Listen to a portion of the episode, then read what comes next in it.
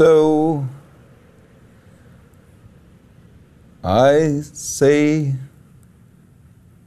thank you for the music, the songs I'm singing.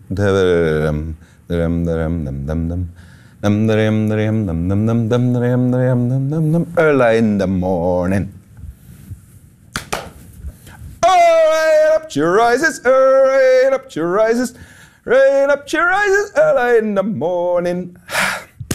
Voilà, we kunnen beginnen. Welkom in Winteruur, namens mijzelf en Swami Bami, Bart Somers, Goedenavond. burgervader van Mechelen, Open VLD'er en eh, verkozen tot beste burgemeester van de wereld in 2017, denk ik. Ja, en ik ga ervan uit dat het dan ook ineens voor het heelal is, omdat er buiten de planeet Aarde waarschijnlijk geen burgemeesters rondlopen. Eh, dat weten we niet zeker, maar ja, dat zou wel eens, dat zou wel eens kunnen. Maar het was eh, 2017. Ja, Je maar kunt maar één... Ja. relativeren natuurlijk. Ja. De beste burgemeester bestaat niet. Eh, er zijn zoveel verschillende soorten burgemeesters voor zoveel verschillende gemeenten, Ja. dat je dat, dat, dat eigenlijk een beetje een gekke titel is. Ja. Maar het heeft best- natuurlijk deugd gedaan aan de stad, eh, want het is eigenlijk een prijs voor de Mechelaars. Ja, ja, dat is een heel mooi bescheiden antwoord. Maar het is toch wel plezant. Evident, er zijn dingen, zijn erger titels die je kan krijgen. Hè? En u hebt het prachtige boek van Stefan Zweig bij, De wereld van gisteren. Wil u voorlezen wat u daaruit gekozen hebt? We konden cosmopolitischer leven, de hele wereld stond voor ons open. We konden reizen zonder pas of visum, waarheen we maar wilden. Niemand vroeg ons naar politieke overtuiging, afkomst, ras of religie. We hadden zeker, dat ontken ik beslist niet, een oneindig veel grotere individuele vrijheid. En daar waren we niet alleen op gesteld, maar we hebben die ook gebruikt. Maar, zoals Friedrich Hebbel het ergens treffend zegt, nu eens hadden we geen wijn, dan weer hadden we geen glas. Het komt maar zelden voor dat een generatie beide wel heeft. Als de moraal de mensen vrijlaat, dan perkt de staat die vrijheid in. Laat de staat zijn vrijheid, dan probeert de moraal ze die af te nemen. Dat is, komt uit een, eh, de memoires zeg maar, hè, van Stefan Zweig. Ja. En Een boek waar ik verliefd op ben. Een, een boek dat eigenlijk iedereen zou moeten lezen. Een, een man, een Joods, iemand die in Oostenrijk-Hongarije opgroeit, behoorde wel tot, de, laat ik zeggen, de, de, bourgeoisie. Eh, maar die beschrijft een wereld voor de Eerste Wereld, na de Eerste Wereldoorlog. Eh, en ziet dan die wereld in elkaar storten door het opkomende fascisme. En die man neemt, beneemt zichzelf het leven samen met zijn echtgenote in Argentinië dat ze op de vlucht zijn gegaan. Omdat hij heel zijn wereld, het, het Europese ideaal, eh, de, de waarden waar, waar Europa voor stond, dat hij die vertrappeld zag door ja, dat verschrikkelijke nazistische regime waar mensen tegen elkaar werden opgezet, Ja. waar, waar, waar haat heerste, eh, waar angst heerste en, en waar ehm, ja, eh, heel veel van wat hij waardevol vond en mooi vond en schoon wordt, wordt, ja, vernietigd werd. ja, want hij, eh, hij, dit stukje gaat over ehm, de periode tussen de Eerste en de Tweede Wereldoorlog, nog voor Hitler aan de macht is dan, denk ik. Ja, Hè? hij, beschrijft dat. Hè. Hij, maakt eerst die, die Eerste Wereldoorlog mee. Hij gaat mee in die euforie. Je ziet dan ja, de verschrikking van die, van die Eerste Wereldoorlog. Die ineenstorten van, van het land waar hij zoveel van hield. Hè. Dat cosmopolitische Oostenrijk-Hongarije, dat eigenlijk een, een continent op zich was. Eh, en, en, en hij bouwt dan terug zijn leven verder op. En, en hij komt in die periode, de jaren twintig, die eigenlijk ook een periode waren van grote vrijheid. Want als je dat leest, het is, het is treffend hoe dat, dat beschreven wordt. Ook, ook naar de jeugd toe. Hè. Dat de, de vrijheid van de jeugd die op een veel eh, gemakkelijkere manier met elkaar kan omgaan. Hij zegt ook het een hier stuk. ook. ja, hè. ja. Ja, reizen zonder pas of visum. Niemand vroeg ons naar politieke overtuiging, afkomst, ras of religie. Het feit dat dat er staat, maakt al dat dat eigenlijk een uitzonderlijke toestand was. Hè? Want dat dat nieuw was. niet zo. Ja, dat dat nieuw was, of opnieuw bestond na de Eerste Wereldoorlog. In, in een soort van, ja, opnieuw ook een tijd waar men heel sterk in een, in een pro-Europese context eh, keek naar, naar elkaar, waar men probeerde ja, die grenzen te overwinnen, waar er veel meer vrijheid kwam, ook individuele vrijheid. Hè.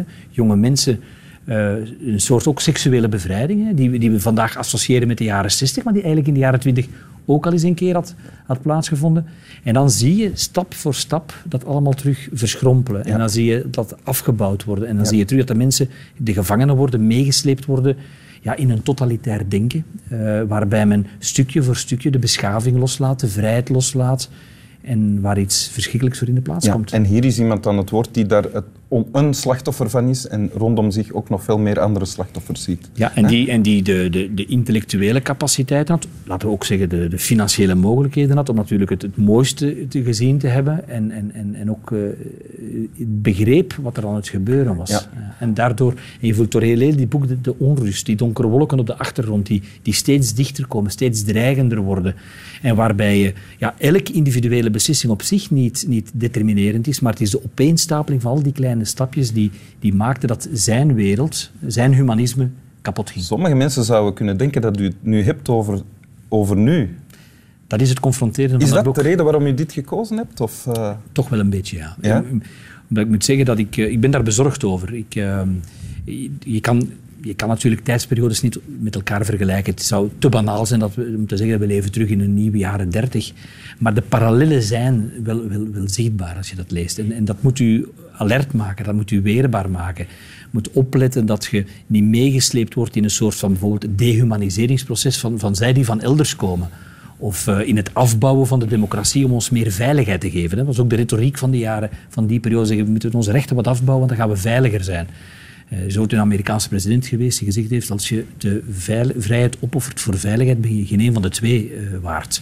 Eh, en ik, ik denk dat dat juist is. Dus ik denk, zo'n boek lezen, dat is het, het, het goede van literatuur, zeker zulke romans, ja, die doen u dieper nadenken. Die houden u soms ook wel een spiegel voor. Niet, niet exact hetzelfde van vandaag, maar je ziet parallellen die toch u dieper doen nadenken over wat onze rol, onze verantwoordelijkheid is als burger. Niet alleen als politicus, maar ook als, als mens van deze wat, samenleving. hoe doet u dat dan? U zegt we moeten alert blijven.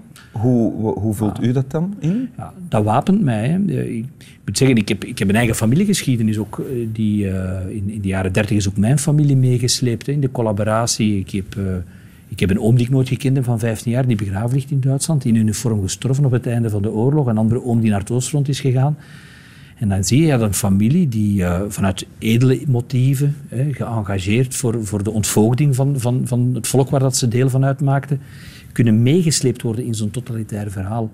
En, en, en dat is toch iets wat dat, dat voor mij in, in mijn persoonlijk engagement heel centraal staat. Dat nooit meer. Eh, Dat, dat voorkomen. Hebt u dat ook eh, meegekregen als les uit wat uw vaders en, en Ja, grootvaders en, en ooms? En, ja? Ja, dat is voor mij, is dat als je me vraagt wat is de, de, de, fun- de, het ultieme, de, ultieme hoeksteen, is, is, denk ik is het dat. Dat is, dat is, daarom is vrijheid zo belangrijk. Eh, En niet alleen economische vrijheid of vrijheid om, om succesvol te zijn, maar ook de menselijke vrijheid, de menselijke waarden, onze, onze universele verklaring van de rechten van de mens. Eh, altijd oog hebben voor de zwakste, proberen mensen niet te de- dehumaniseren, steeds de empathie proberen te bevorderen in de samenleving, proberen te werken aan meer maatschappelijke cohesie. Het zijn heel belangrijke dingen die, die ons beschermen tegen de barbarij. Het, het humanisme in, in uw politieke actie proberen centraal te stellen. Soms durven ingaan tegen wat de toog of wat het... eh, wat je soms leest in sociale media, de moed hebben om daar, om daar soms eh, recht te staan. En dan helpen zo'n boeken om u te motiveren, om u, Ah, om ja. u sterk te houden. Ik vind, ik vind dat... Ik vind dat Want wanneer hebt u het gelezen? Oh, al, al, al enkele jaren geleden. Maar er zijn heel veel van, deze, van, van zulke romans. Maar is het dan, u leest bijvoorbeeld dit, dit stuk. Ja. Want het is geen roman, het is geen Nee, fictie, het is non-fictie. Nee. U leest dit en dan herkent u wat u zelf Ja. ziet als uw eigen drijfveer om aan politiek te Ja, doen. en, die, en dat wapent me zelfs. Het, Ja. het geeft mij morele en ook eh, psychologische en, en ook intellectuele argumenten. Ehm, Oké. Er is een heel, heel recent prachtig boek, De Vulkaan, eh, van, van eh, Klaus Mann, eh, in Nederlands vertaald. Het is een soortgelijk verhaal en als je dat leest, ja, dan, dan raak je daar gemotiveerd ook van om je maatschappelijk om, om recht te staan. Huppakee, een leestip voor toekomstige politici. Of huidige politici. Wil u de tekst nog eens lezen? Absoluut. We konden cosmopolitischer leven. De, de wereld stond voor ons open. We konden reizen zonder pas of visum waarheen we waar wilden. Niemand vroeg ons naar politieke overtuiging, afkomst, ras of religie. We hadden zeker, dat ontken ik beslist niet, een oneindig veel grotere individuele vrijheid. En daar waren we niet alleen op gesteld, maar hebben haar ook gebruikt. Maar, zoals Friedrich Hebbel het ergens treffend zegt, nu eens hebben we geen wijn, dan weer hebben we geen glas. Het komt maar zelden voor dat een generatie beide wel heeft. Als de moraal de mensen vrijlaat, dan beperkt de staat die vrijheid. Als de staat ze hun vrijheid laat, dan probeert de moraal ze die af te nemen. Dank u wel. Slap wel.